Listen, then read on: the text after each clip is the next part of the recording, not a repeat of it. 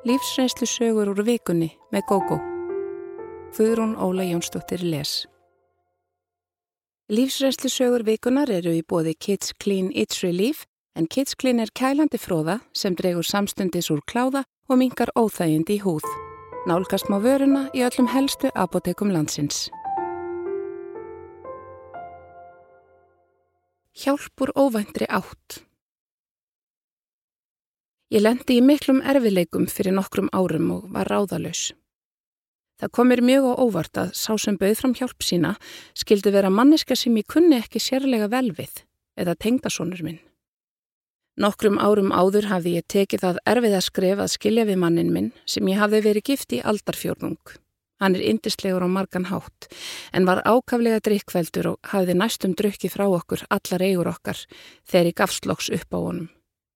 Þótt hann hefði farið í meðferð skömmu fyrir skilnaðin var það orðið of seint fyrir hjónabandið. Hann hefur plumað sig ágætlega síðan og býr í dag út á landi með konu sinni. Mér tókst að finna mér ágæta leigu íbúð en ekki var í bóði að kaupa íbúð því andurði eigna okkar hjóna dugði rétt svo til að borga skuldir. Yngra barnið okkar, 16 ára sonurinn, kaus að búa áfram hjá föður sínum en dóttir okkar, 24 ára, hafði verið í sambúði nokkur ár og var nýlega gift. Þá var elsta barnabarni mitt komið í heiminn. Ég bjóð því einn og leið ákaflega vel. Leittist aldrei það fann fyrir einmannaleika. Var í miklu sambandi við börnin mín og mun virkari í félagslífi en á meðan ég var gift og var líka döglega við að sækja ala nónfundi. Svo kynntist ég Kristjáni, heitlandi manni sem var fráskilin eins og ég, en hann hafði skilið fyrir tíu árum. Hann var sjö árum eldri en ég sem ekki sást á honum og áður en ég vissi af var ég búin að gefa og selja stóran hluta af búslóðminni sem var nú ekki sérlega beisinn og hóf nýtt líf með Kristjóni. Allt gekk vel hjá okkur í þrjú ár. Þá fór að síga á ógjafurliðina. Hann var farin að drekka meira en áður, sullaði nánast daglega en ég hafði einmitt verið svo fegin að eiga mann sem kynni að drekka. Eitt daginn uppgötvaði ég að hann drakk síst minna en minn fyrfirandi, bara öðruvísi. Hann hafði aukið drikkjuna eftir að erfileikar komu upp í vinnunni hans og let reyði sína bytna á mér. Við vorum farin að rýfast og hann sagði stundum við mig að best væri að ég flytti í burtu. Þetta var íbúðin hans, svo hann hafði tökla og haldir þarna. Ég fylltist óöryggi og reyndi að halda öllu góðu og passaði mig á því að enginn er því var við það sem var í gangi. Sérstaklega ekki dóttir mín sem ég var í miklu sambandi við. Sónur minn var fluttur norður í land með föður sínum svo ég sá hann sjálfnar en áður. Ég vonaðist til að þetta lagaðist en það gerði það bara aldrei, frekar vestnaði. Dóttur mína fór að gruna að eitthvað væri að og ég sagði henni að við Kristján ættum erfitt tímabil núna. Hún horfi vantrúið á mig og sagði að ég væri greinilega ekki hamigisum Ég væri farin að vissna og útlitið á mér væri orðið svipað og það var skömmu áður en ég skildi við pappinar. Hún kvatti mig til að fara frá honum frekar en að hanga í þessu sambandi. Sjálf hafði ég reyndar átt svipað samtal við dóttur mína sem mér fannst ekki alltaf hamingisum. Baldur, maðurinn hennar, vann mikið og hún var nánast alltaf ein með barnið.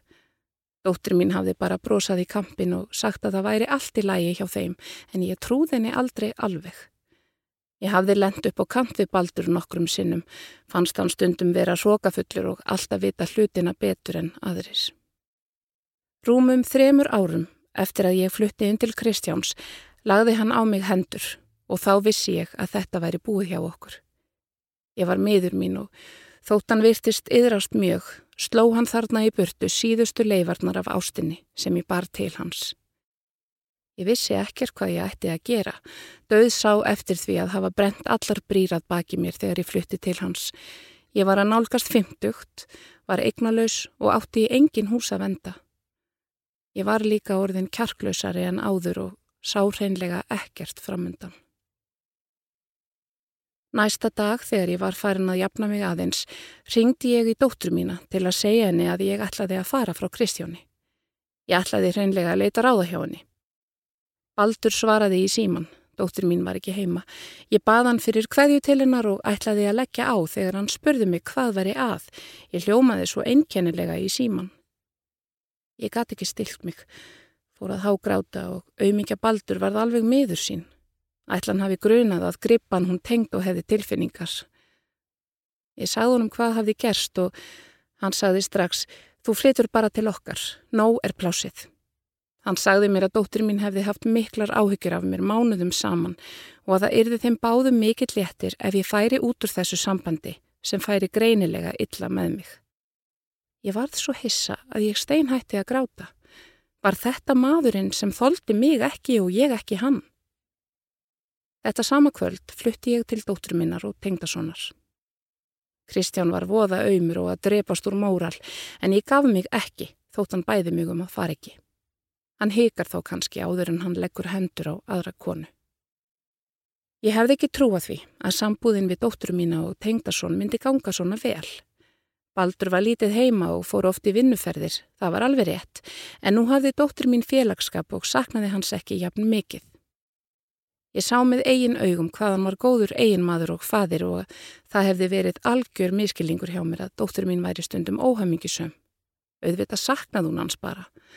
Hann var og er afar ánæður í starfi sínu þótt að kosti miklar fjárvistir en hann bætir sannarlega fyrir þær þegar hann er heima. Ungu hjónin hafa það mjög gott og íbúðin þeirra var alveg nóg stór til að hýsa eitt stykki tengdamömmu. Mér hefði samt aldrei dottið í hugað fyrrabræði að byggja um að flytja til þeirra. Um leið og ég kynntist baldri almennilega komi ljós að það sem ég kallaði hróka og leiðindi var bara hans leið til að tjá sig. Hann var algjörlega opinn fyrir skoðunum annara og það var verulega gaman að rögræða við hann. Hann er valdsmannslegur í framkomi og eflaust hefur óryggi gagvart tengdamóður sinni, sem hann þekkt ekki mikið, spilað inni þegar hann virtist vera ósveianlegur í skoðunum. Ég hafði bara aldrei gefið honum séns.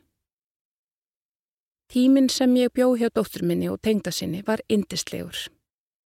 Auðvitað gætti ég þess mjög vel að ungu hjónin fengju andrými og satt ekki yfir þeim öll kvöld.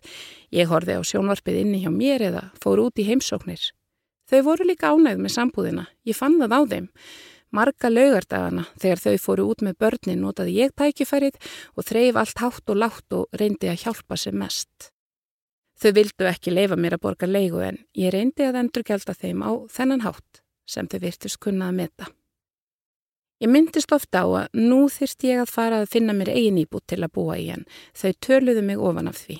Sögðu mér að sapna mér frekar fyrir íbúð á meðan ég byggi hjá þeim. Það væri algjör draumur fyrir þau að fá svona mikla hjálp. En eftir um tvö ár fannst mér nóg komið.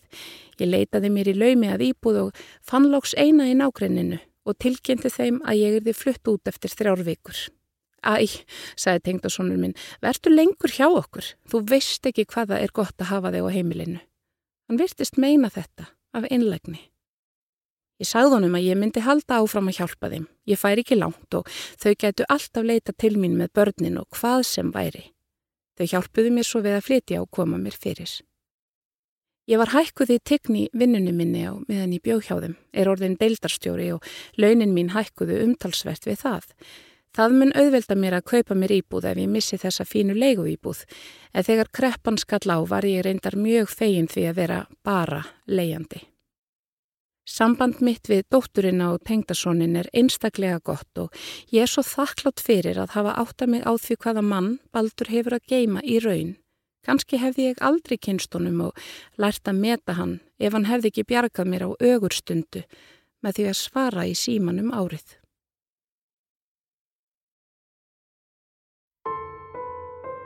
Ótrúlegar tilviljanis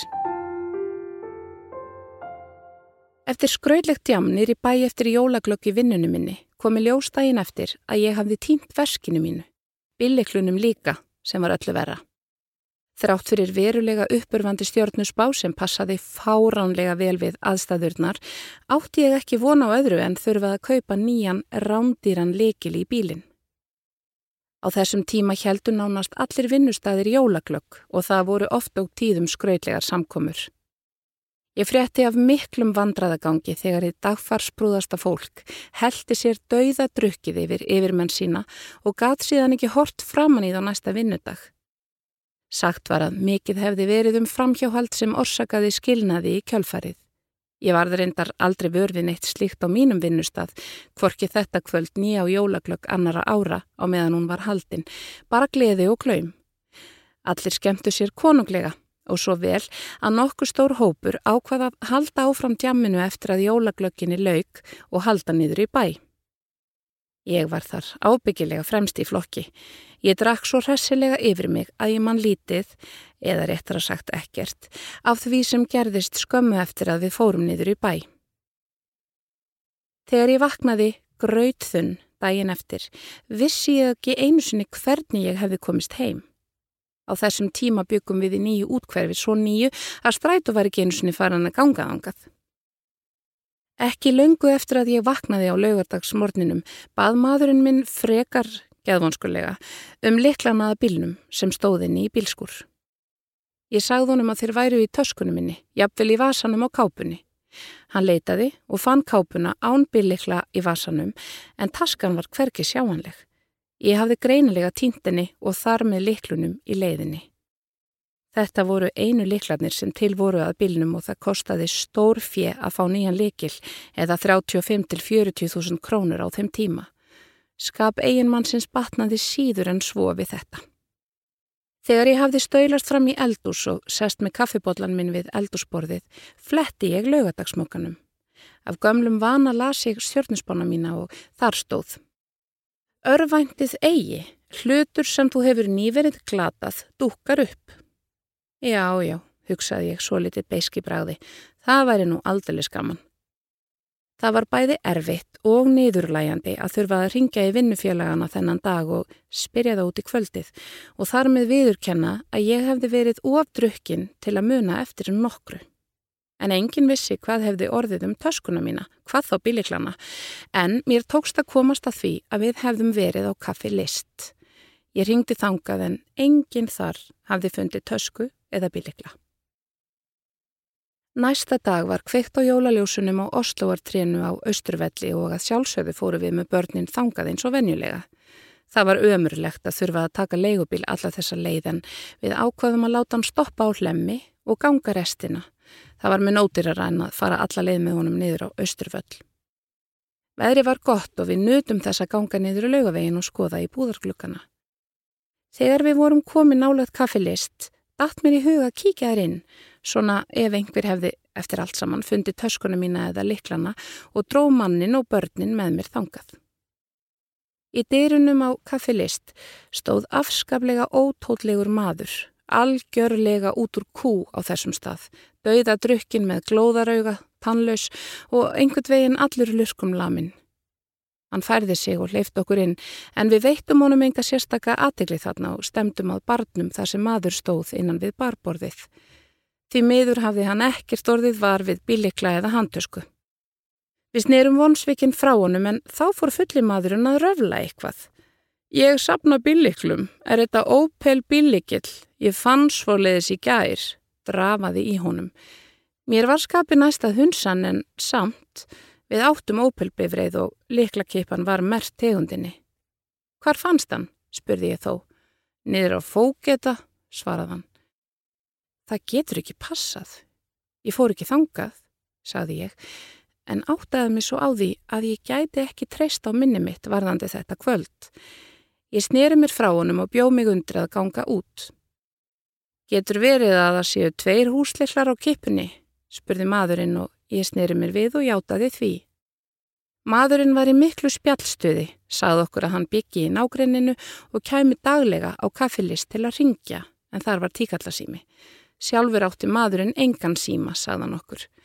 Hann var vanalega miklu fyrir á ferðinni en þetta til að ringja sín daglegu símtöl, en sagðist það var tafist hennan dag vegna þess að hann hefði lendið rifrildi við konuna sína. Þvílik hefni fyrir okkur. Maðurinn var sífælt vingjartlegri og bauðst til að skreppa heim til sín og sækja ópeliklana. Hann bjóri ett fyrir neðan hverfiskötuna og sagðist aðeins verða í nokkrar mínútur. Ef þetta eru liklarnir okkar, býði ég þeir upp á bjór og snafs, saði ég við hann og það hýrnaði mikið yfir honum. Hann flýtti sér út og hljóp áleiðis heim til sín, svona eins og drukkin maður getur löpið. Við byðum spennt og innan við kortir í setna mættan með bíliklan okkar. Hann hjælt því enn fram að hann hefði fundið þá fyrir utan fóketan í aðalstræti og ég gæti ekki reynt það. Hann fekk sinn bjór og sinn snafs og við kvöttum hann allsæl með að hafa endurheimt liklana. Þetta var svo mikill léttir. Við höfðum verið bílausum helgina og daginn eftir stóð til að fjárfesta í nýjum likli því við gátum illa án bílsverið og höfðum ekki efni á því að rúnda um á leigubílu með börnin í skólan og okkur til vinnu. Skemtunin á Östurvelli var hátilegað vanda og við vorum komin í algjört jólaskap þegar við heldum heimáleið með leigubíl. Dægin eftir fekk ég það staðfest hjá vinnufélaga að kvöldið góða hefðum við ekkert farið lengra niður í bæjan að kaffi list svo það er eiginlega örugt að veskinu mínu var stólið þar. Setna um nóttina hafði þjófurinn þá fleikt liklunum fyrir framann fóketan þar sem maðurinn sem sapnaði bíliklum fann þá. Það var ekki fyrir nokkru setna sem ég fór að hugsa út í þessa röð tilviljana sem var til þess að liklarni rötuði í réttar hendur. Ákverðun okkar um að ganga neyður á laugavegin var tekin í leigubilum og leiðinni neyður í bæ og skyndi hugdetta mín réð því að við fórum inn á kaffi list til að spyrjast fyrir um veski mitt þótt ég hefði gert það deginum áður án árangus. Síðan rifrildið sem blessaður liklarsafnarinn lendi yfir konu sína sem ollið því að hann var mun setna á ferðinni til að ringja. Hann fann liklana hjá fókitanum en mætti daglega á kaffi lista sem þeim hafði verið stólið. Og hvað með þessa stjörnusbá? Hún átti fáránlega vel við, líklega í fyrsta og eina skipti sem slikt gerðist hjá mér. Það var hreinlega eins og liklanir ættu að rata í réttar hendur með öllum þeim tilviljunum sem olluði. Ég lærði heilmikið af þessu. Þótt ég hafi kannski ekki hægt að drekka, hef ég passað mig síðan og aldrei drukkið það mikið að ég myndi ekki daginn eftir það sem gerðist kvöldið áður. Það var ömurleg upplifun að þurfa að spyrja annað fólk hvar ég hefði verið þetta kvöld. Ég hétt mér því að það skildi aldrei henda mig framar og hef staðið við það.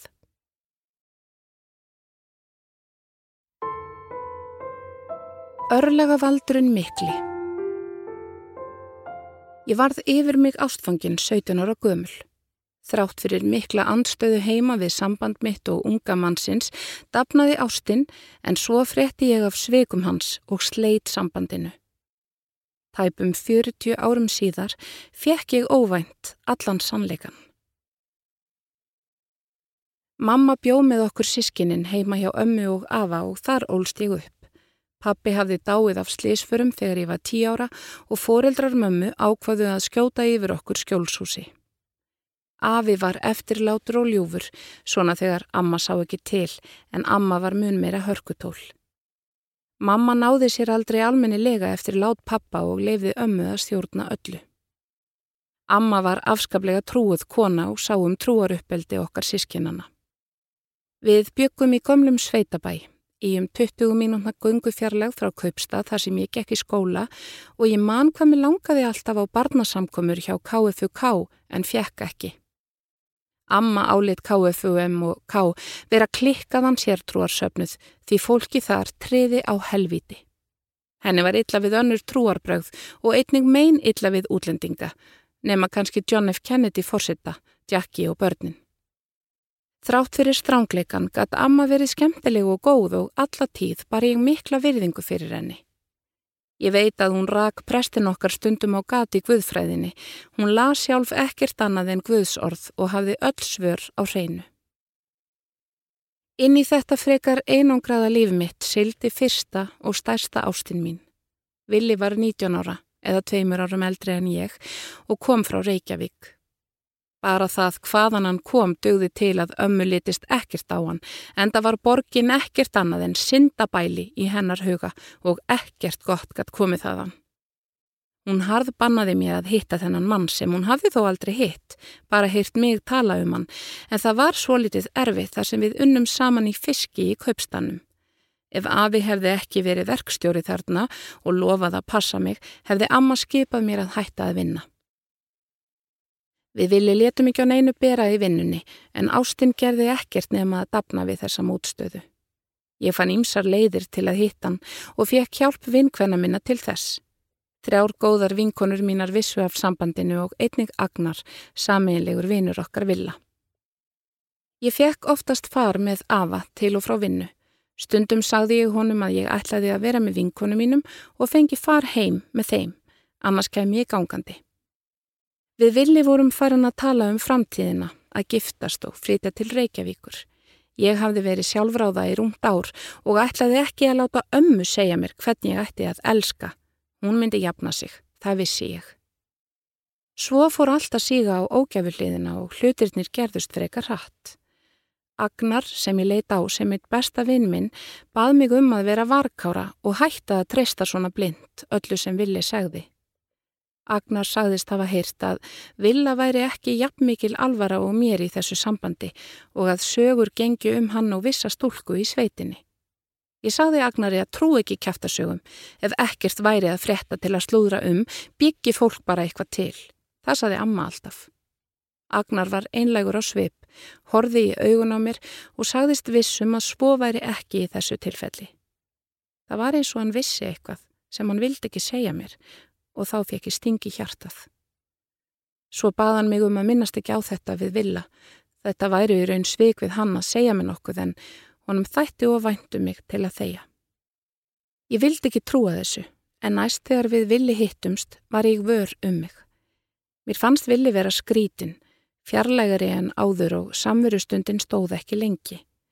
Helst af öllu langaði með að spyrja Villa hvort eitthvað væri til í þessu, en þá hefði ég sveikið Agnar. Við villi ákvaðum að hittast við kaupfélagið næsta föstudagskvöld.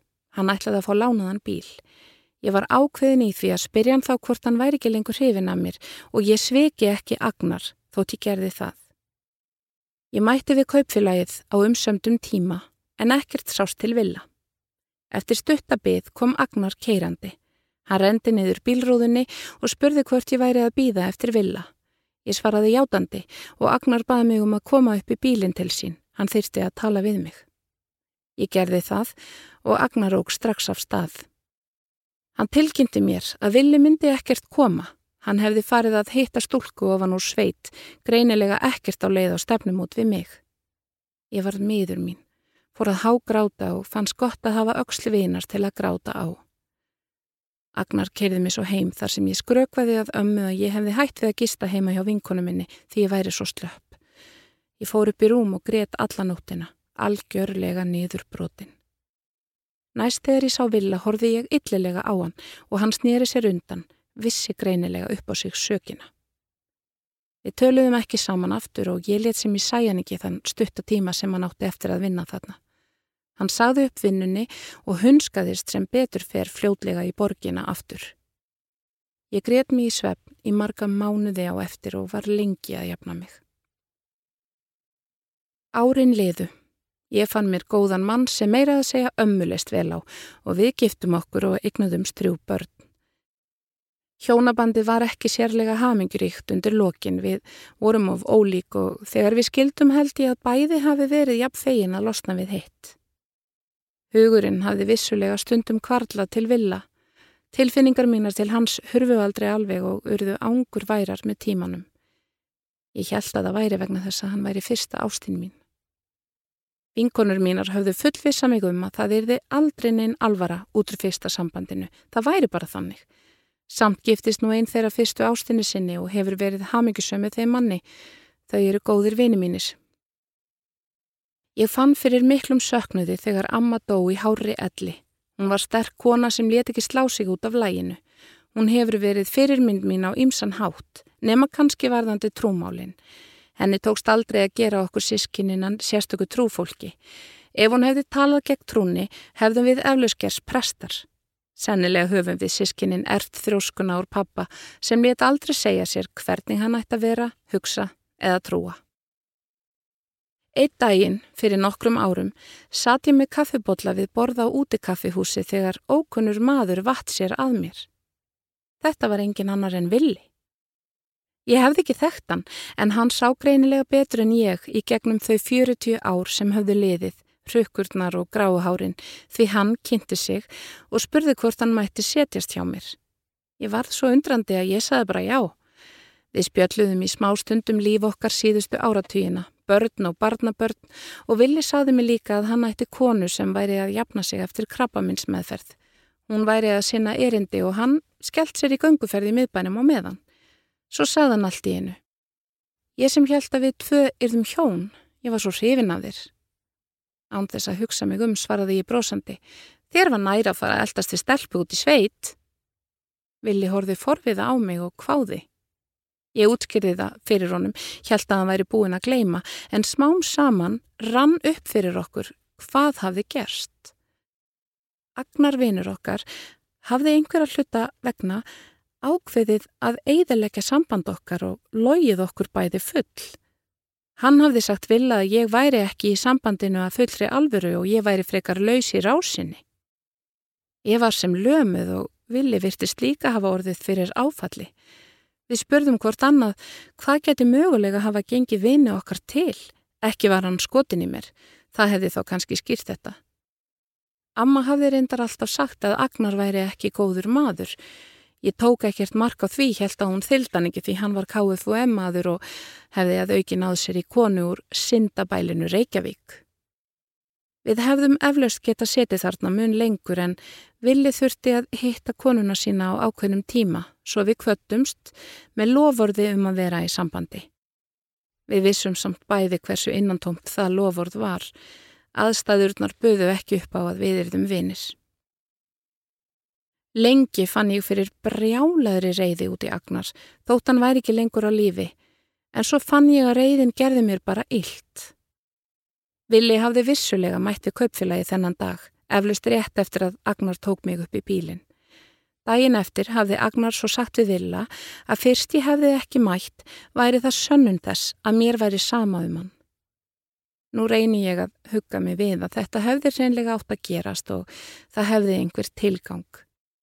Kanski finnur hinn stór gáfaða sonardóttir mín upp lækningu við krabbamenni eða stuðlar að friði í heiminum Allt önnur börn hefðu orðið til ef við villi hefðum fengið frið til að vera saman. Því trúi ég statt og stöðugt. Samtal okkar villa var þó til þess að ég öðlaðist meiri frið í sálinni. Það var gott að vita að ég hefði ekki verið svikin af fyrsta manninum sem ég elskaði. Ég segi þessa sögu mína í þeim tilgangi að vara fólk við að trúa blind öllu sem það heyrir að það fái sögur staðfestar áður en eitthvað óafturkræftir sagt eða gert. Það hefði án Eva breytt lífi mínu ef ég hefði talað við villa í stað þess að trúa agnari blind. En ég fæ þó aldrei að vita hvernig. Leitin að móður minni Þegar ég var átt ára gömul komst ég að því að ég hafði verið ætlitt. Frá úlingsaldri reyndi ég að finna móður mína sem var erlend og það gerði leitina en erfiðari. Ég las nýlega greini vikunni um ætliðingar út frá líðan barnana og finnst saga mín gott innlegg í þá umræðu. Ég upplifði mikla ást og öryggi í uppvextinum og á indislegar minningar úr æsku. Það kom mér því algjörlega í opna skjöldu þegar krakkarnir í hverfinu fóru einn daginn að kalla á eftir mér. Mamma þín er ekki mamma þín. Þau hafðu greinilega heyrt eitthvað um þetta heima hjá sér. En setna komst ég að því að blóðmóður mín hafði búið heima hjá fórildri mínum síðustu vikurnar áður en hún átti mig. Þannig vissu nágrannar mínir, fórildrar vinkvenna minna og bekkersistra, greinilega af því að ég væri ætlitt. Eflaust hefur tilvist mín verið rætti fyrir tíu drópum af kaffi þannig að leikþélagar mínir heyrðu til. Ég man að ég fór beinustu leið til mömmu og spurðana hvort hún væri ekki öruglega mamma mín. Hún og pappi heldu neyðarfundum að best væri að svara þessari spurningu sem eflaust hefur slegið mömmu mína út af læginu. Stöttu setna settist mamma neyður með mér og sagði mér sannleikan. Mér þótti alveg jafnvænt um pappa og mömmu þótt ég hefði komist að þessu en við þetta vöknuðu ímsar spurningar og hugsanir sem ágerðust þegar ég komst á úlingsaldurinn. Ég get ekki sagt að það hafi orðið að einhverju þráhyggju hjá mér að hitta blóðmóðurum mína sem ég kýsa að tala um sem móðurum mína til að aðgreina hana frá mömmu, konunni sem ól mig upp. En vissulega var ég forvitin að vita meira og ég hugsaði oft um hana hvaðan ég kæmi og hvernig lífið væri ef ég hefði ekki verið ætlitt. Lengi vel var það eina sem ég vissi hvað hún héti og hvaðan hún væri og hvernig aðstæður hefðu verið í kringum það þegar ég fættist. Það eina sem ég vissum hana var nafn hennar og að hún væri þýsk. Með árunum fekk ég að vita meira sem gerði mig enn spenntari fyrir því að sjá hana og kynast henni.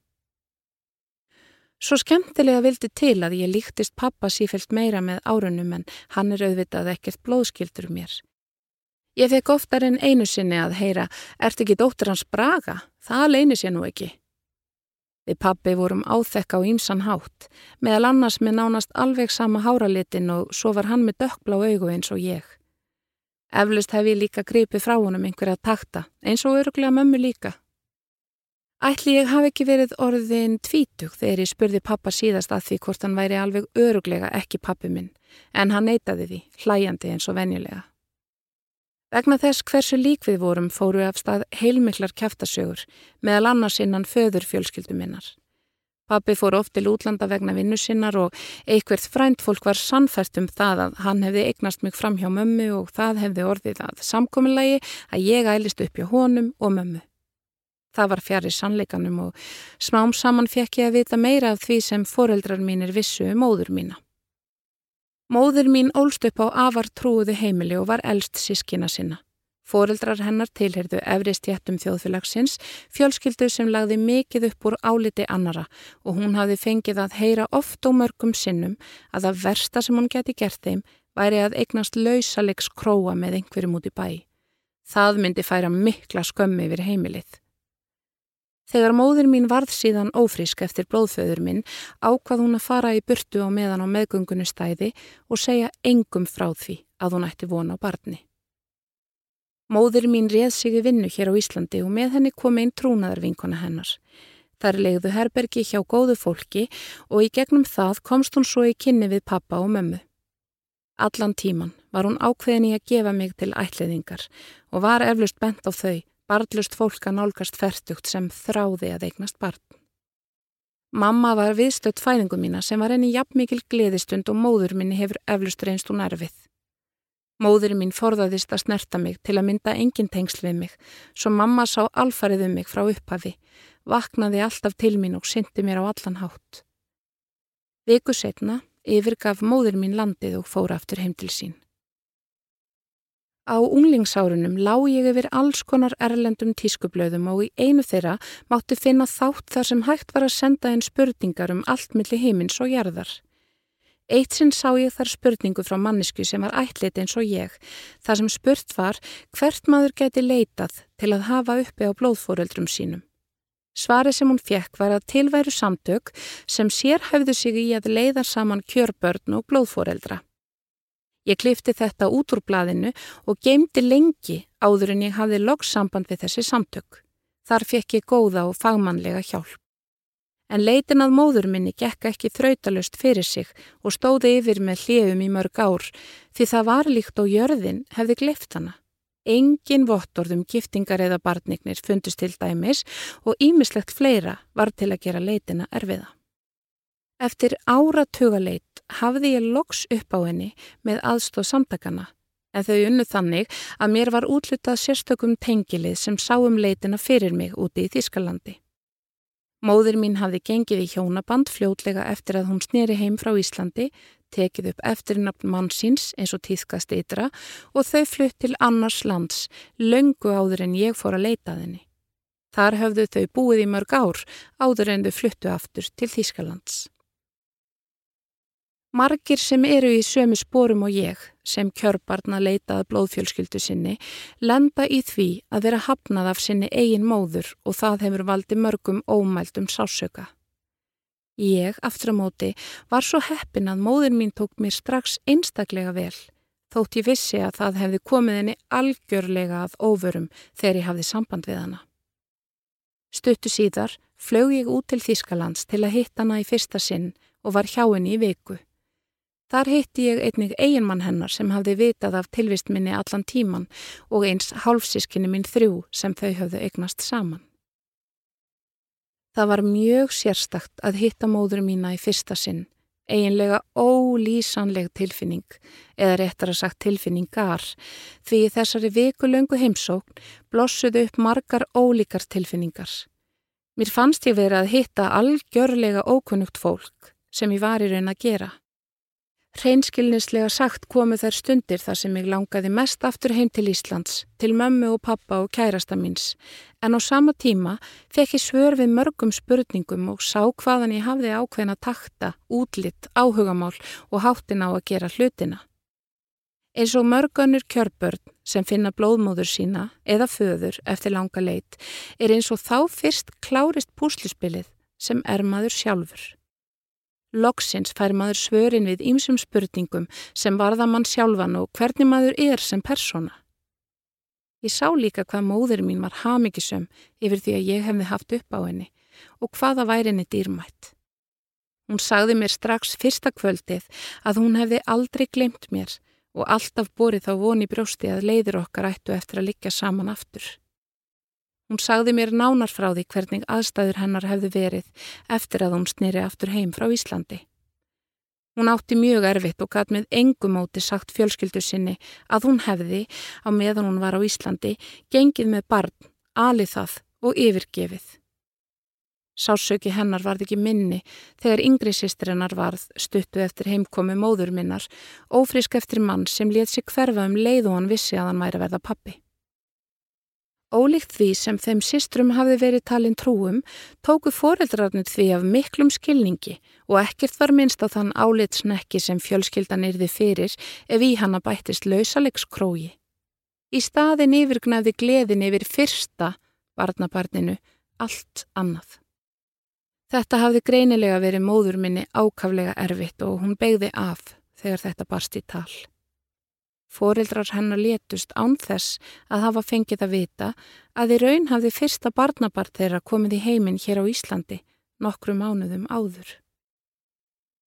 Við móður mín áttum í góðum og reglulegum samskiptum þar til hún lést fyrir nokkrum árum en þá voru bæði pappi og mamma dáin. Ég held enn í dag góðu sambandi við sískinni mín sem búa öll í Þískalandi en þangað heimsæki ég þau af og til eins af að þau komið hingað til Íslands. Ímsir hafa furðað sig á því gegnum tíðina hvers vegna ég leitaði ekki að föður mínum líka. Í fyrsta lagi vissi ég ekkert hvað hann hétt og einhvern veginn skipti það mig aldrei máli að hafa upp á honum. Leitin snerist alltaf um að finna blóðmóður mína. Ég, aftur á móti, varð vörfið að það trublaði marga þá menn sem ég átt sem kærastæði gegnum tíðina Eitt þeirra nánast reyttist mér og það oftar en einu sinni þegar þetta barst í tal og ég sagði honum að ég hefði aldrei haft löngun eða þörf fyrir að hitta blóðföður minn, bara móður mína. Ég let þó reyndar undan í eitt skipti og spurði móður mína úti hver væri raunverulegur fadur minn. Hún sagði mér nafn hans og hvaðan hann væri en vildi greinilega ekki ræða það mikið. Ég fann og hef aldrei fundin eina sérstaka þörf fyrir að vita meira um hann. Ég er stolt af upprunna mínum og þakklátt fyrir að hafa náðað hitta og kynast blóðmóður minni sem tók svona vel á móti mér eins og hún gerði. Það var mér einstaklega dýrmætt og alls ekki sjálfgefið. En á sama tíma fann ég að blóð er sannarlega ekki alltaf þykkara en vatn og að mínir raunverulegu foreldrar voru þeir einstaklingar sem ólu mig upp í miklu ástriki hér á Íslandi. Ástinn og væntum þykjan til þeirra varð sterkari fyrir vikið. Ég fann enn betur hvað mér þótti væntum þau og þeim um mig. Núna nýlega byrtist í vikunni greinum líðan ætleitra einstaklinga þar sem skoðað var ímislegt sem þau eiga sameinilegt tilfinningarlega en þar getur ímislegt verið ólíkt því sem börn alin upp hjá blóðmóður eða blóðföður upplifa. Í þeirri grein kom ímislegt fram sem ég gætt algjörlega speikla mig í. Meðal þess var þetta djúpa þakklæti sem ég hef svo oft fundið fyrir í gard fóreldra minna, en hjá þeim átt ég indislega æsku. Sama hvað þeim við gengið á í mínu lífi, þá hef ég aldrei efast um ást þeirra í minn gard. Þau gætu ekki hafa elskað mig meira, þótt ég væri af þeirra eigin holdi og blóði. Fóreldrar mínir lögðu áherslu á að ég temdi mér góð og heilbrið gildi sem hafa fyllt mér í gegnum lífið. Þau hefa stutt mig í gegnum ímiskrefjandi verkefni sem lífið hefur fært upp í hendurnar á mér. Þegar kom að því að þau fóru að eldast og veikjast var komið að mér að launa þeim allt það góða og fallega sem þau hafa veitt mér í lífinu. Engin trúir að svona fólk sé til. Ég var lögð í einelti í vinnunni. Á fjórum árum braut þetta mig nýður og svifti mig öllu sjálfströsti. Þessu líktaði þannig að ég var rekin frá vinnustæðnum og með því held ég að málinu væri lokið. En svo er ekki. Þetta fylgir mér enn. En ég má hvergi tala um þetta. Staðrindin er svo að engin trúir að svona fólk sé til, að einhver bókstaflega leggir sig eftir því að brjóta aðra mannesku skipulega niður. Ég taldi að ég hefði verið beitt ofbeldi og það er aldrei réttlætanlegt. Þegar ég hins vegar tala um þetta við vini og fólk nálagt mér, horfir það skilningsvana á mig og ég sé að það trúir ekki helmingnum að því sem ég segi.